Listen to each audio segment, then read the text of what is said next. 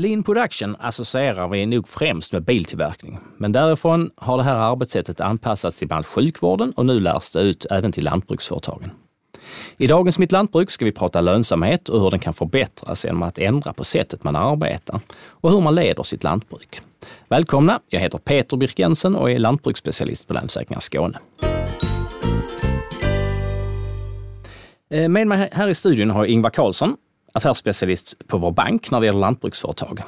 Jag tänkte jag börjar fråga med dig, hur ser likviditeten ut hos våra skånska lantbruksföretag? Hur har de klarat våren och vintern här?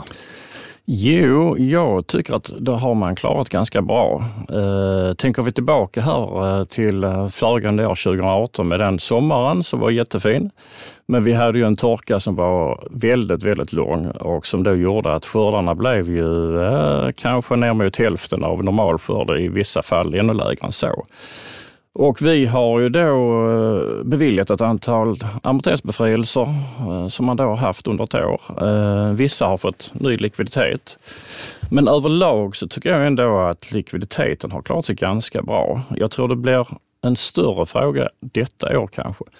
Framförallt för djurproducenterna då som har förmodligen slut på sina lager nu inför första skörden som kommer här.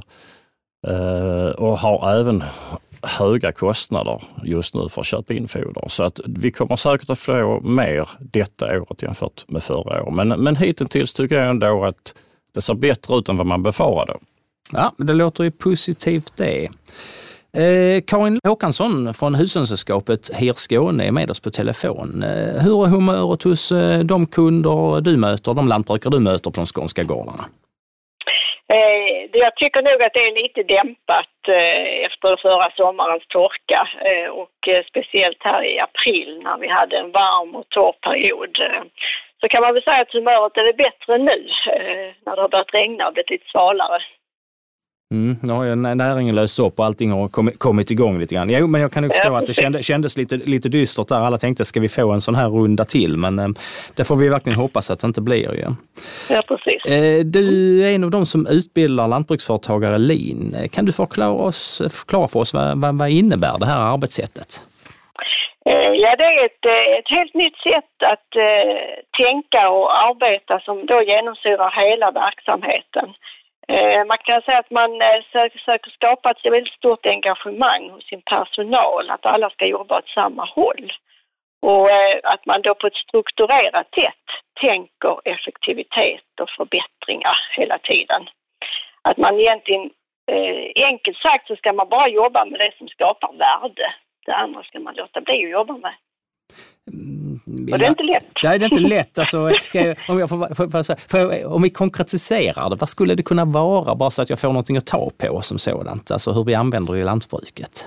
Ja, att man jobbar med, med eh, mål som är väldigt konkreta och eh, som våra, de som jobbar kan påverka med sitt arbete. Att de vet att, eh, att gör jag det här på ett bra sätt så når jag målen. Många Många av företagsledare idag de har ju mål om 5% vinst, vilket då säger personalen ingenting egentligen. Hur kan jag påverka det? Det är en konkret sak. Och sen eh, om vi går vidare då på nästa fråga här då som du eh, tänkte ställa, vad, vad, vad är det vi lär ut? Så försöker vi då att, eh, att eh, jobba med det här med värde, att man ska jobba med det som skapar värde och att man alla slöserier ska vi ta bort, alla onödiga transporter, alla eh, onödig dålig kommunikation ska vi ta bort, alla onödiga rörelser. Eh, till exempel är slöserier vi pratar med inom LIN. Alltså, rutiner i stallar till exempel. Eh, vi, vi, vi, vi sopar gångarna först efter vi har strött halmen. Kanske lite överdrivet, det förstår ju alla, men alltså, det är så man ska tänka. Ja, lite så är det. Och, och, om jag fortsätter då så är det, vi jobbar med att visualisera processen. Att man ska se vad, med, det är ju lite signum för LIN det här med, med whiteboardtavlor. Men det är ju ett sätt att visa hur, hur, på, hur går produktionen? Vad har vi våra avvikelser? Vad, vad är det vi ska fokusera på idag för att vara effektiva? Till exempel. En företagare som började använda lin på sin gård för några år sedan är Martin Andersson på Löderups Växt. Eh, du är med oss också på telefonen. Välkommen! Tack så mycket! Varför började du använda lin i ditt företag? Ja, från början så står vi väl det som ett verktyg att kunna eh, få effektivare utnyttjande av eh, de resurser vi har, eh, bland annat eh, ja, maskiner och framförallt tid. Och att få ett eh, större engagemang tillsammans med sin personal. Ja. Eh, har det, har det ändrat sättet att jobba? Alltså, kan du ge något exempel på hur, hur ni gör? Ja, jag, jag satt och småskrattade lite för mig själv för Karin var ju hos oss ju, så man känner igen sig. Det blev lite så flashbacks från tiden när vi gick eh, utbildningen. Eh, men vi har fler möten, vi har bättre rutiner, vi letar ständigt efter förbättringsmöjligheter. Eh, allt som går att analysera eh, försöker vi att analysera för att kunna förbättra. Och sen har man ju, kan man ju ha olika hjälpmedel för, för det, till exempel appar eller kalendrar eller som nu Karin nämnde, whiteboard. För att man inte ska riskera att glömma bort sånt som man kommer på och som kanske inte sker så ofta eh, eller på rutin. Mm, uppföljningar och dylikt. Är det fler fördelar som har, eh, har eh, dykt upp genom det här, den här typen av arbete? Förutom då att ni har blivit effektivare och det ger i sin ser oftast en bättre lönsamhet. Alltså jag känner ju att det är ett större engagemang och det har blivit mycket lättare att nu delegera arbetsuppgifter istället för att själv sitta och planera allt in i minsta detalj. Så i och med att man är inne i det så personalen vet oftast vad som ska göras och de här eh, mötena vi har tenderar väl att bli kortare och kortare för det mycket är liksom självskrivet. Sen får man nog ta ett steg tillbaka om man skulle få en personalomsättning så att man bjuder in ny personal in och, och tänka likadant. Och där tror jag det största problemet är. Eh, men e- ett, ett sätt som man kan tänka annorlunda, vi nämnde det här med, med torkan och, och eh, vi har ju möjlighet till bevattning. Och jag såg ju ganska snabbt i fjol att hur hundan ska jag kunna få upp så stor mängd vatten som möjligt? Och ofta är det så man drar ut en bevattningsmaskin en viss längd och så säger man ja, jag ska vattna 20 millimeter. Då är frågan, är det rätt om maskinen går in klockan två på natten och att den står stilla till klockan sju på morgonen och sex när jag eh, kommer? Då är det kanske bättre att den går lite långsammare och att alla, alla maskiner eh, flyttas mellan sex och nio på morgonen och alla maskiner flyttas mellan sex och nio på kvällen. På det sättet går pumparna dygnet runt alltid istället för att stå stilla ett par timmar eh, på morgonkvisten innan vi har vaknat.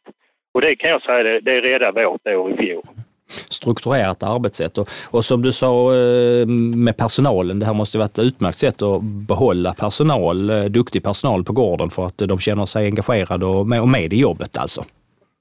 Ja, absolut. Eh, Martin, vad finns det fler för typer av verktyg man kan arbeta med i sitt företag? Ett av verktygen som är ganska lätt att starta med är ja, 5S. Och det handlar ju om att man eh, städar och systematiserar och strukturerar och standardiserar. Eh, och det är väldigt lätt applicerbart och det första vi tog tag i till exempel är verkstaden. Att man ordnar upp saker och ting, sånt som man inte behöver eller har använt på, på ett bra tag gjorde man kanske av med, eller så satte man en bäst före-datum på dem. Så man tar en typ och så skriver man den dagen man har haft fatt i den. Och nästa gång du tar tag i den grejen igen och du gör ett sån här röj så kan, kan man ju då tänka, har jag inte haft, haft eh, tag i den nu på två år, då gör jag mig av med den. Och då får man effektivare utnyttjande av sina lagerhyllor bland annat. Och sen har vi märkt upp överallt i verkstaden där verktyg ska hänga så att Eh, man har stjärnskruvmejslar för sig och flata skruvmejslar för sig. Så har du en praktikant som skulle man säga till, du går och sätter tillbaka en nyckel eller en stjärnskruvmejsel i verkstaden så behöver jag inte förklara var utan det är tydligt utmärkt om man hittar. Motorolja respektive hydraulolja är utmärkt så att de inte gör misstag när de fyller på, på traktorer till exempel, gasverk och borrmaskiner. Ja, all, allting har sin plats och då gör det att folk går inte och letar efter saker heller när de kommer fram till din arbetsbänk. Ja, var är skiftnycklarna? Nej, de hänger där i storleksordning så så. Så ser man direkt, ja, den är inte där. Då vet man att är den inte där så finns den inte i verkstaden utan förmodligen är den i en traktor eller en bil. Och då, då får man ju eh, kolla om det är någon annan som har använt den. Jag, jag, så, jag som är ordningsam blir tårögd och lyckad när jag hör det här. Så att det är, eh, du nämnde tidigare när vi pratade innan eh, programmet om en app. Vad, kan du förklara lite vad det handlade om? Ja, det var ju också ett sätt eh, att vi skulle försöka identifiera det här med slöseri och tid och onödig körning. Karin nämnde det lite grann tidigare. Eh, och det satte ju igång lite funderingar om man fick uppdraget till att hur, eh, lösa det problemet helt enkelt. Hur ska vi komma till botten med det? Det kunde ju hända att jag körde upp till lokalföreningen till exempel för att köpa något virke eller några skruvar och på vägen in möter jag en av mina medarbetare på väg ut och då har han köpt stövlar eller ett par skor eller några handskar eller något annat och då tänkte jag ju att det skulle ju jag kunnat tagit när jag var där uppe. Eller så skulle han vetat om att jag behövde skruvar och ta dem med.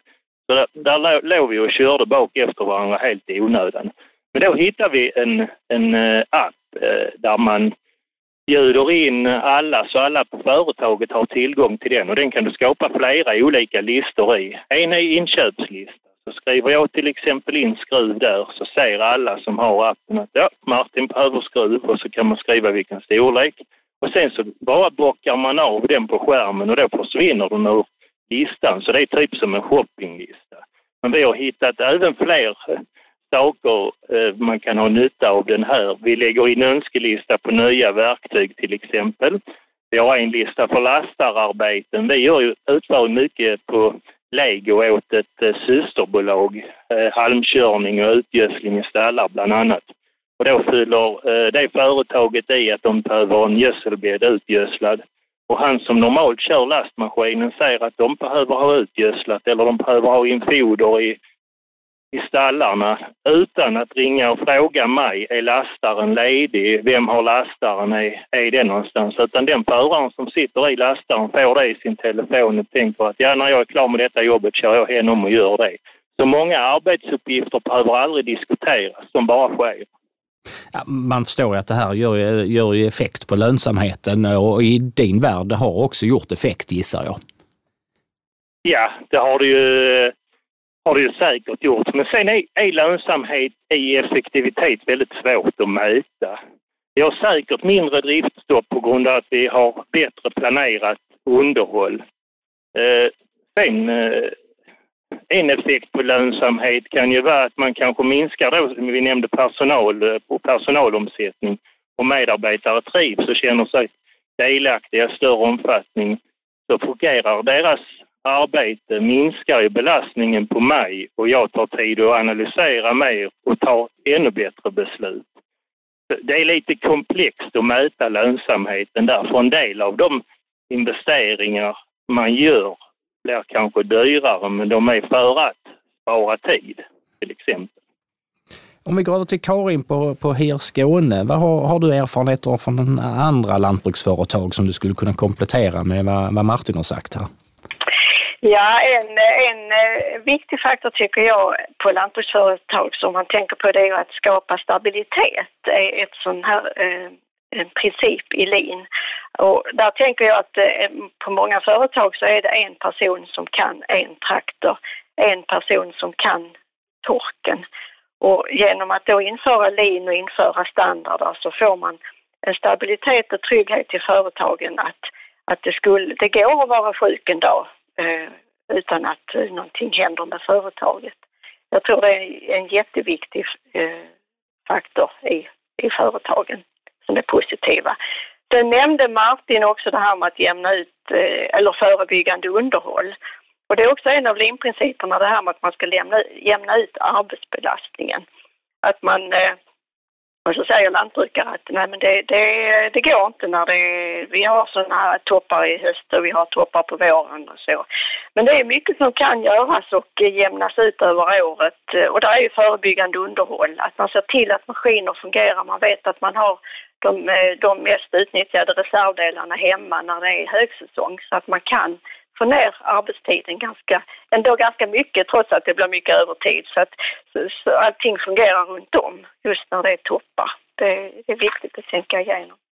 Sen vill jag också säga det här med att eh, eh de lantbruksföretag som jag då har varit coach på är eh, man får större effekt när man är lite fler anställda och en stor fördel med LIN är ju alltså alla företag som har säsongsanställda. Typ plantskolor, växthusföretag också eh, där man säger att man har standarder, eh, man vet hur man tar hand om ny personal, man har vet eh, att man också när man har icke svensktalande personal, att man använder sig av visualisering som färger och som kort och bilder på saker hur det ska se ut är en väldigt stor fördel med LIN. Jag kan nämna mm. lite grann om de här standarderna Karin, vilka mm. vi har gjort som har sett som fördel. Bevattningen ja. är ju en stor, stor del ju, så på de eh, eh, bevattningsmaskinerna vi har så har man gjort en standard och det är en typ av arbetsbeskrivning. Hur, hur gör man för att göra, utföra det arbetet? Och då kan det stå att ja, den, den grova hydraulslangen ska vara uppe i uttagen och den, den tunnare nere och det är den högra spaken du ska ta den bakåt. Då behöver man inte gå upp igen i traktorn och föra den framåt för att man gjorde fel första gången utan man har en instruktion på hur allting blir rätt så att säga.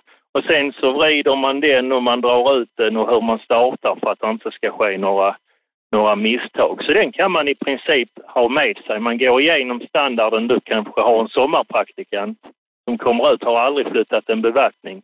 Så går du igenom alla momenten och hänvisar dem till standarden. Nästa gång kan du låta honom köra ut och dra ut maskinen själv och han klarar det utan att behöva ringa mig och fråga. Ja, det är bara några exempel. Då kan jag väl få flika in det här med standarder eh, som Martin beskriver här. Det är ju liksom det bästa sättet att utföra ett arbete just nu. Att man är överens om så här, så här mjölkar vi, för det är det bästa sättet vi ser att man kan mjölka idag. När man då liksom tänker lin och genomsyrar linverksamheten så ska man ju då plocka fram standarden och ifrågasätta den kanske en gång om året och säga är det någon, eller har någon kommit på ett bättre sätt att göra det? Och då kanske det är någon som har tänkt till att ja, men ska vi inte göra så här istället? Och då får man det här eh, lintänket med ständiga förbättringar. Man, man utgår, en standard är liksom det man utgår från för att kunna göra förbättringar. Man måste veta hur man gör idag för att kunna förbättra sig. Det här måste ju också minska risken för arbetsplatsskador, tänker jag då, som eh, när man far upp och ner traktorhytter till exempel för att eh, man har satt eh, vänt på hydrauluttagen etc. Eh, borde det bli definitivt en, en, en positiv effekt också. Ja.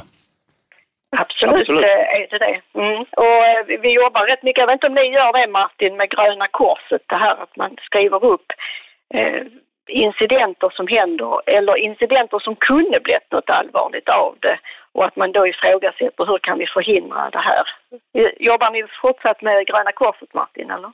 Nej, inte Gröna Korset men vi jobbar med avvikelser och sånt är ju en, mm. en avvikelse. Ja, så när vi har dem mer månadsmöte, alltså vi har möte var morgon eh, och sen har vi månadsmöte. Och på månadsmötena tar vi upp sånt som har hänt eh, de sista fyra veckorna. Om det inte har varit något akut för det måste man ju lösa saker med en gång. Men när det är någonting som dyker upp, det kan vara någon som klämmer, klämmer en finger i en eh, grind eller någonting som inte är kanske så allvarligt. Så nämner man den. Ja, den där jäkla grinden, den eh, är ju lätt att man klämmer sig Ja, men det får man ju ändra på det. Då får man ju bygga om låsen eller någonting annat. För annars är det oftast en sån grej som bara beror. Liksom att ja, du får vara försiktig när du tar i dörren. Det ska man inte behöva. Utan då är det bättre att flytta låsen eller göra om det så att man inte klämmer sig. Mm. Ehm, om vi går till Ingvar, ehm, är det här ett bra sätt att öka lönsamheten för våra lantbrukare eller lantbruksföretagare? Behöver vi bli effektivare och driva våra företag? Eller vad tycker du? Ja, absolut behöver vi bli effektivare i lantbruksföretag överhuvudtaget. För vi lantbrukarna verkar ju på en globalt konkurrensutsatt marknad med mjölk, fläsk, kött, vete, raps. Allting sätts globalt. Så det är viktigt att man effektiviserar sin verksamhet för att kunna utveckla den och så att det finns köpare till våra produkter helt enkelt. Och jag tycker man ser ganska tydligt, vi får ju in eh, på banken får vi in bok, boksluten framförallt, det är ju vårt verktyg som vi använder när vi lånar ut pengar. Men vi ser ju stora skillnader i nettoresultaten på företagen för, i förhållandevis identiska företag med samma resurser och samma förutsättningar. Så är det stora skillnader på nettoresultaten. Och då finns det lite olika delar som man kan tänka sig som det beror på. Men det är ledarskap, företagande, effektiviteten såklart är en stor del i detta också. Så att ja, där finns mycket att göra. Ehm, som jag förstår så pågår arbetet med lean-metoden hela tiden när man en gång har börjat använda den. Ehm, Martin, ni har ju använt lean nu några år, men det kommer fortfarande upp eh, idéer och saker på era möten som ni måste förbättra, förutom den här grinden du pratade om innan. Som, eh, men eh, det, det, det rullar på med, med förslag från din personal och från dig. Ja, det, det dyker upp saker hela tiden och i och med man har det öppna klimatet och personalen har kommit in i ett tänk att det, de förslag jag kommer med, de tas upp och de blir antingen äh, åtgärdade eller förkastade. Men att, att de tas upp och diskuteras, det kan vara så under diskussionen så tänker man att nej, det var nog inte så viktigt. Och vissa som de kanske tycker är bagateller helt plötsligt, ja men de är väldigt lätta att göra. Det genomför vi med en, en gång. Eh, så det, det dyker upp hela tiden. Det viktiga är att ta tag i dem och inte låta dem bero för att då avtar personalens vilja att komma med förändringar väldigt fort. Då känner de sig inte viktiga och delaktiga i eh, de förändringar och justeringar man gör. Eh, eh, Karin, eh, det här med att arbeta smartare det har vi förstått att ja, det ger en bättre lönsamhet för lantbruksföretagen. Ser du några andra trender vad vi nu, som man ska satsa på framöver eller värda att satsa på framöver ute på lantbruksföretagen? Ja, alltså om jag får börja med ett avslut på LIN där då, så, så det vi inte har pratat så mycket om, det är det som är väldigt viktigt i LIN, det är att det är kunden i fokus. Och eh, Ingvar, du pratade lite om eh, vilka grödor man ska odla och, och så vidare. Vi i lantbruket är ju ganska bortskämda med att vi alltid får sålt våra produkter. Liksom. Eh, om man, till skillnad då kanske när man börjar starta gårdsbutiker och så där det blir. Där får man ju verkligen se vad vill kunden ha. Och det tycker jag är viktigt kanske att vi tänker mer på i lantbruket framöver. Att vi verkligen sätter kunden i fokus. Vi ska bara jobba med det kunden vill ha. Eh, och det vi får bäst betalt för då naturligtvis också. Eh, och sen om vi ser andra trender så det jag skulle bara vilja trycka på här det är att som jag har uppfattat eh, som lean coach är att jag tror att många lantbruksföretagare behöver förbättra sitt ledarskap.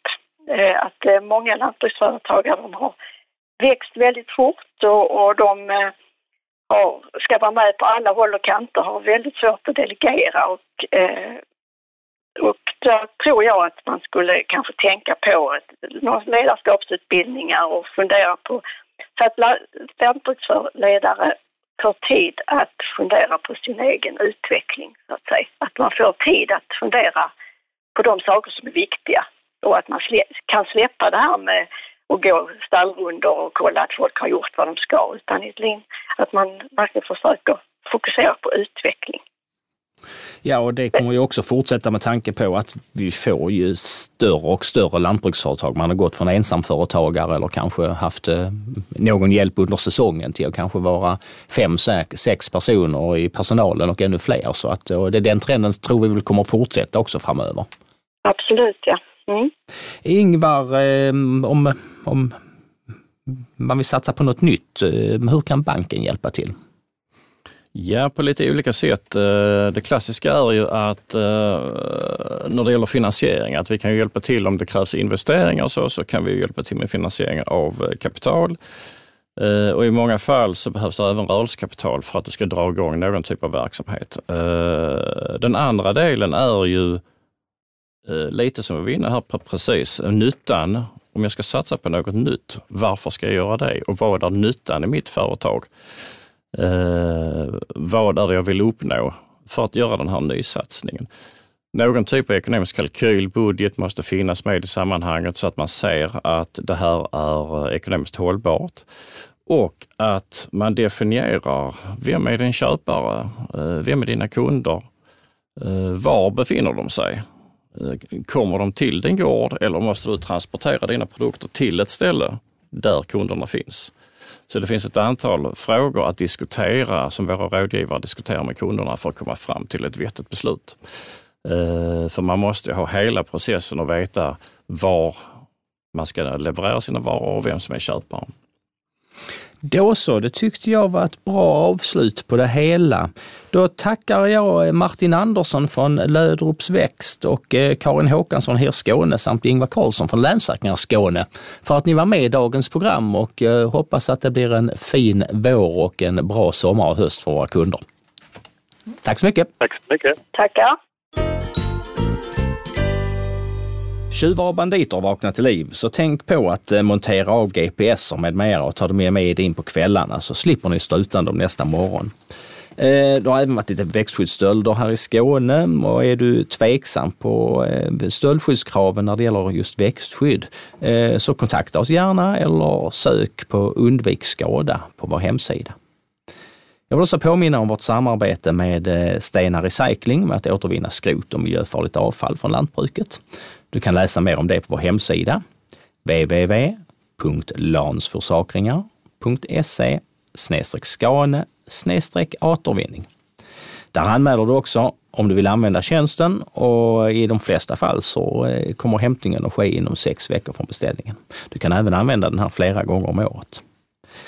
Det var allt vi har att bjuda på idag. Tills vi hörs igen kan du lyssna på tidigare avsnitt av Mitt Lantbruk. Du hittar dem på webben, www.lansforsakringar.se www.se skane mittlantbruk eller där poddar finns. Jag heter Peter Birk Jensen. På återhörande.